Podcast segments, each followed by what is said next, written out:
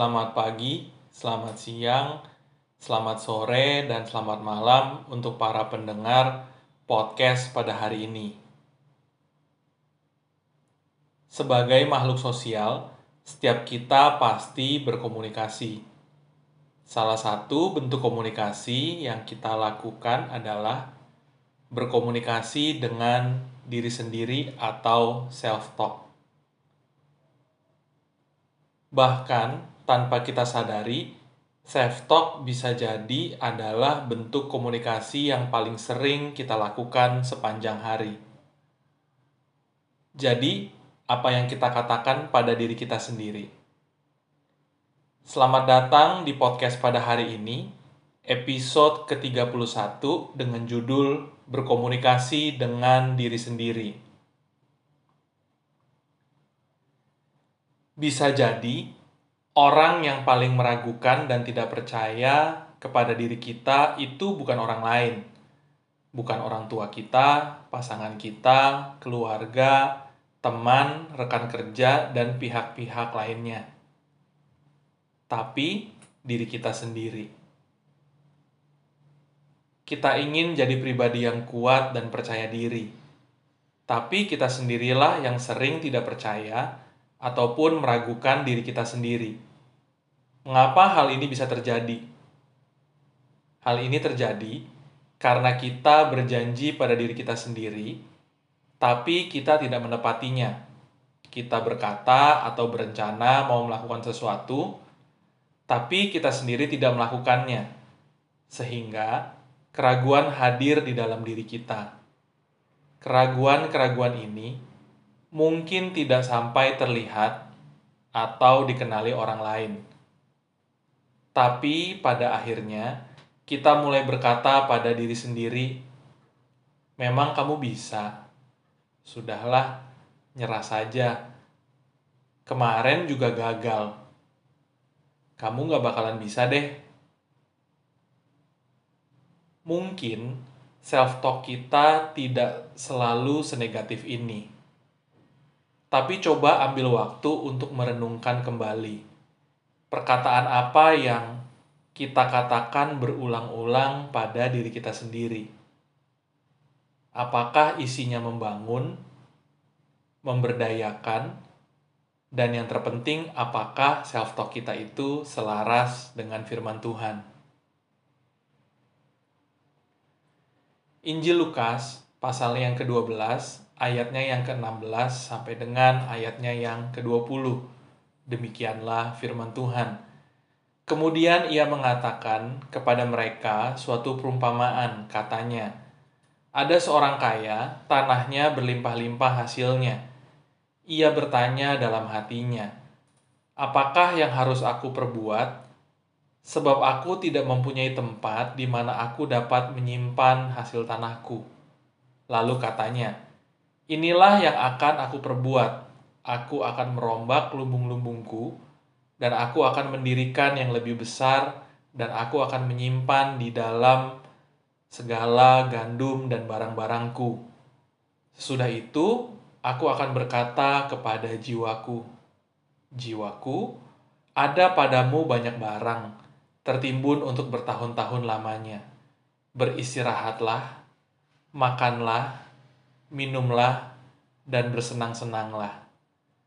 Tetapi firman Allah kepadanya, Hai engkau orang bodoh, pada malam ini juga jiwamu akan diambil daripadamu.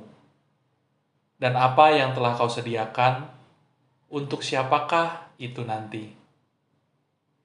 Dari ayat-ayat tadi, ada tiga hal yang bisa kita pelajari tentang berkomunikasi dengan sendiri atau self-talk.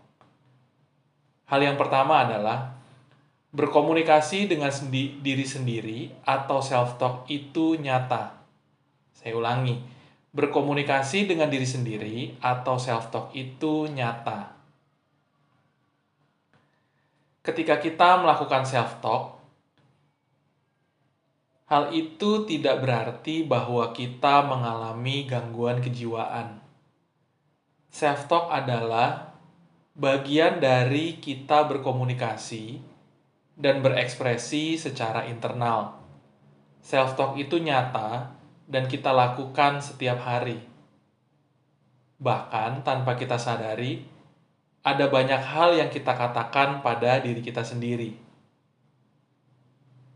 Isi dari self-talk kita mungkin tidak sampai diketahui orang lain, tapi Tuhan mendengar dan mengetahui self-talk kita. Secara fisik, kita mungkin sedang berdiam diri. Tapi pikiran kita jalan terus, perasaan-perasaan kita jalan terus, dan perkataan-perkataan dalam diri kita itu jalan terus. Saya ulangi sekali lagi, secara fisik kita mungkin sedang berdiam diri, tapi pikiran kita jalan terus, perasaan-perasaan kita jalan terus, dan perkataan-perkataan di dalam diri kita itu jalan terus. Self-talk ini juga terkadang menjadi dasar untuk kita memutuskan dan melakukan sesuatu dalam kehidupan kita. Sama seperti orang kaya tadi, di dalam dirinya dia mau merombak dan mendirikan lumbung untuk dapat menyimpan lebih banyak yang merupakan hasil dari self-talk-nya. Karena self-talk bersifat private atau terjadi di dalam diri, meski kita melakukannya, tetapi sering kali kita juga mengabaikannya. Ketika kita merasa kesepian, bisa jadi perasaan itu muncul bukan karena kita ditinggalkan atau diabaikan orang lain tetapi karena kita sendirilah yang sedang mengabaikan diri kita sendiri. Kitab Mazmur pasalnya yang ke-42, ayatnya yang ke-11, demikianlah firman Tuhan. Mengapa engkau tertekan, hai jiwaku, dan mengapa engkau gelisah di dalam diriku? Berharaplah kepada Allah, sebab aku bersyukur lagi kepadanya, penolongku dan Allahku. Pikiran dan perasaan kita itu tidak selalu benar, tapi pikiran dan perasaan kita itu nyata. Tekanan dan kegelisahan itu mungkin tidak selalu benar, tapi tekanan dan kegelisahan yang kita rasakan itu nyata. Jangan abaikan hal-hal itu. Hal kedua yang bisa kita pelajari dari ayat-ayat tadi adalah perkataan-perkataan kita mencerminkan atau memantulkan atau merefleksikan apa yang sebenarnya sedang terjadi di dalam diri kita. Saya ulangi sekali lagi. Perkataan-perkataan kita mencerminkan atau memantulkan atau merefleksikan apa yang sebenarnya sedang terjadi di dalam diri kita self talk kita itu lahir dari apa yang kita percayai atau maknai tentang diri kita, tentang orang lain, tentang situasi dan keadaan yang kita alami. Saya ulangi sekali lagi. Self talk kita itu lahir dari apa yang kita percayai atau maknai tentang diri kita, tentang orang lain, tentang situasi, dan keadaan yang kita alami. Hal yang menarik dari perikop tentang orang kaya tadi adalah meskipun Alkitab mengisahkan bahwa dia adalah seorang yang kaya, berlimpah dalam segala apa yang dimilikinya, tetapi dia tetap merasa takut kekurangan dan merasa perlu untuk mengumpulkan lebih banyak lagi. Rasa takut kekurangan dan kebutuhan untuk mengumpulkan lebih lagi atau ketamakan itu bukan lahir karena dia tidak punya banyak atau dia tidak punya apa-apa. Tetapi dia percaya bahwa seberapapun banyaknya yang dia miliki, dia tidak akan merasa aman atau mengalami ketenangan. Kepemilikan dalam jumlah yang banyak hanya akan jadi obat penenang yang sementara.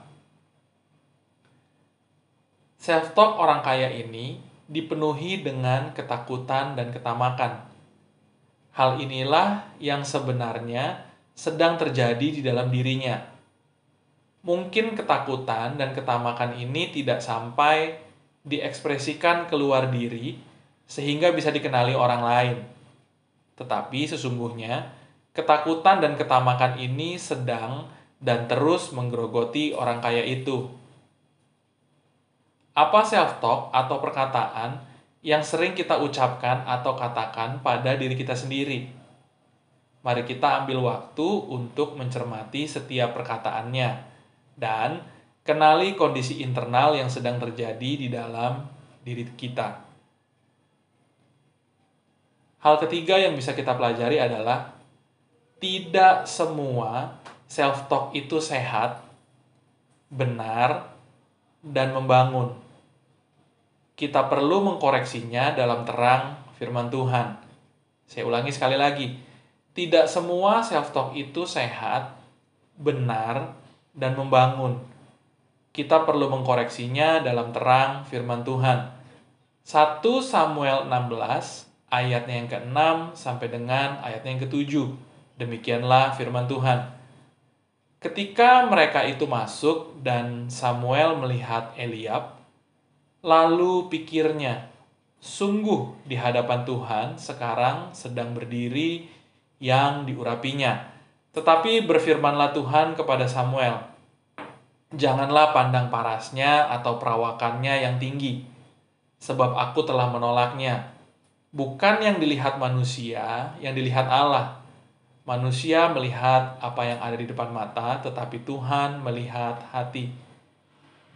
Ketika Samuel akan mengurapi anak Isai untuk menjadi raja menggantikan Saul, Samuel melihat Eliab, dan pada saat itu juga ia yakin bahwa inilah yang diurapi oleh Tuhan untuk menjadi raja.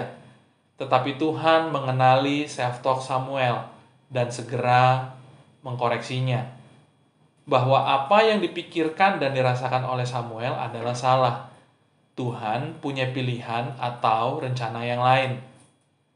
Tanpa koreksi dari Tuhan atau koreksi dalam terang firman Tuhan, sama seperti Samuel, kita akan cenderung membuat keputusan-keputusan dan tindakan-tindakan yang salah dalam kehidupan kita.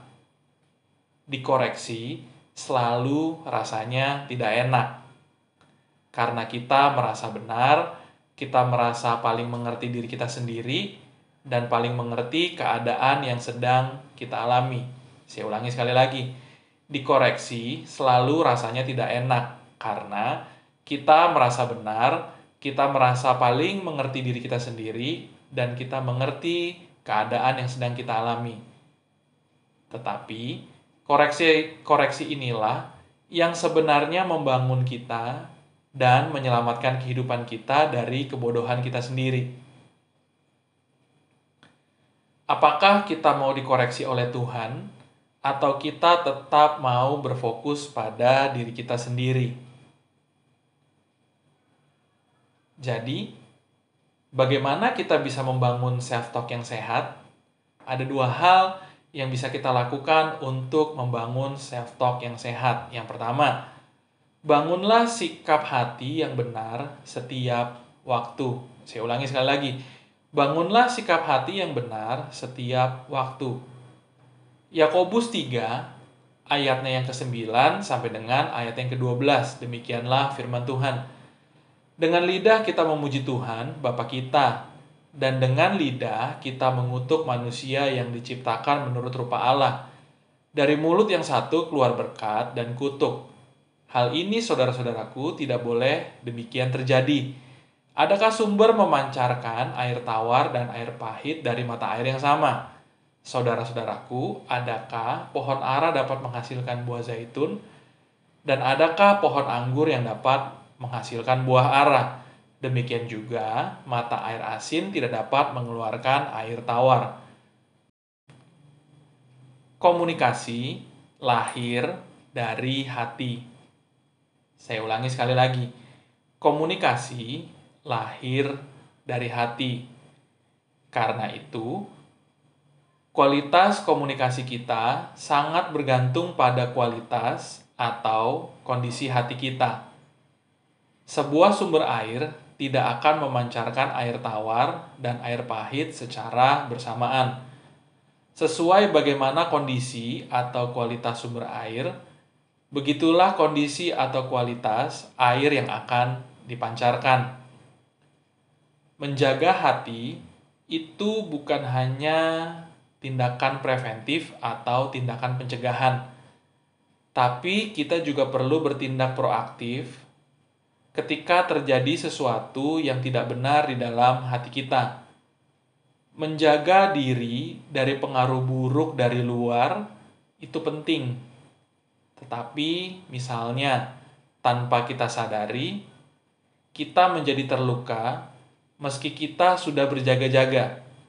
Maka kita perlu mengambil tanggung jawab untuk melepaskan pengampunan dan kembali kepada pertobatan kalau kita menyadari belakangan ini self talk kita isinya kemarahan, kekecewaan, mungkin juga kepahitan. Mari cek apakah kita perlu mengampuni seseorang, mengampuni orang lain atau mungkin kita perlu mengampuni diri kita sendiri. Hal yang kedua yang bisa kita lakukan untuk membangun self talk yang sehat yaitu arahkan diri kita untuk selalu berfokus pada Tuhan. Saya ulangi sekali lagi. Arahkan diri kita untuk selalu berfokus pada Tuhan. Mazmur 103 ayatnya yang kedua, demikianlah firman Tuhan. Pujilah Tuhan hai jiwaku dan janganlah lupakan segala kebaikannya. Setiap hari ada banyak hal yang terjadi dalam kehidupan kita setiap kejadian itu memiliki makna yang khusus bagi diri kita secara personal. Makna-makna itu akan membawa kita berpikir, merasa, berkata-kata, dan bertindak sesuai dengan makna yang kita cerna itu.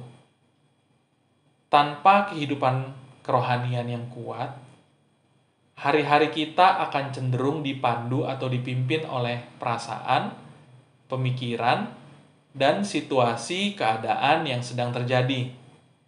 Pemasmur kembali mengingatkan kita untuk mengajak diri kita, mengajak jiwa kita, bahkan bukan hanya mengajak, tetapi memaksa diri kita untuk kembali berfokus pada Tuhan dan mengingat segala kebaikannya ajak diri kita atau katakan pada diri kita untuk kembali kepada Tuhan. Terima kasih sudah mendengarkan podcast pada hari ini. Untuk update informasi, kunjungi Instagram podcast pada hari ini di @podcast pada hari ini. Dan apabila ada pertanyaan ataupun respon dari setiap episodenya, kirimkan ke email podcast pada hari ini at gmail.com. Sampai jumpa di episode berikutnya. Tuhan Yesus memberkati.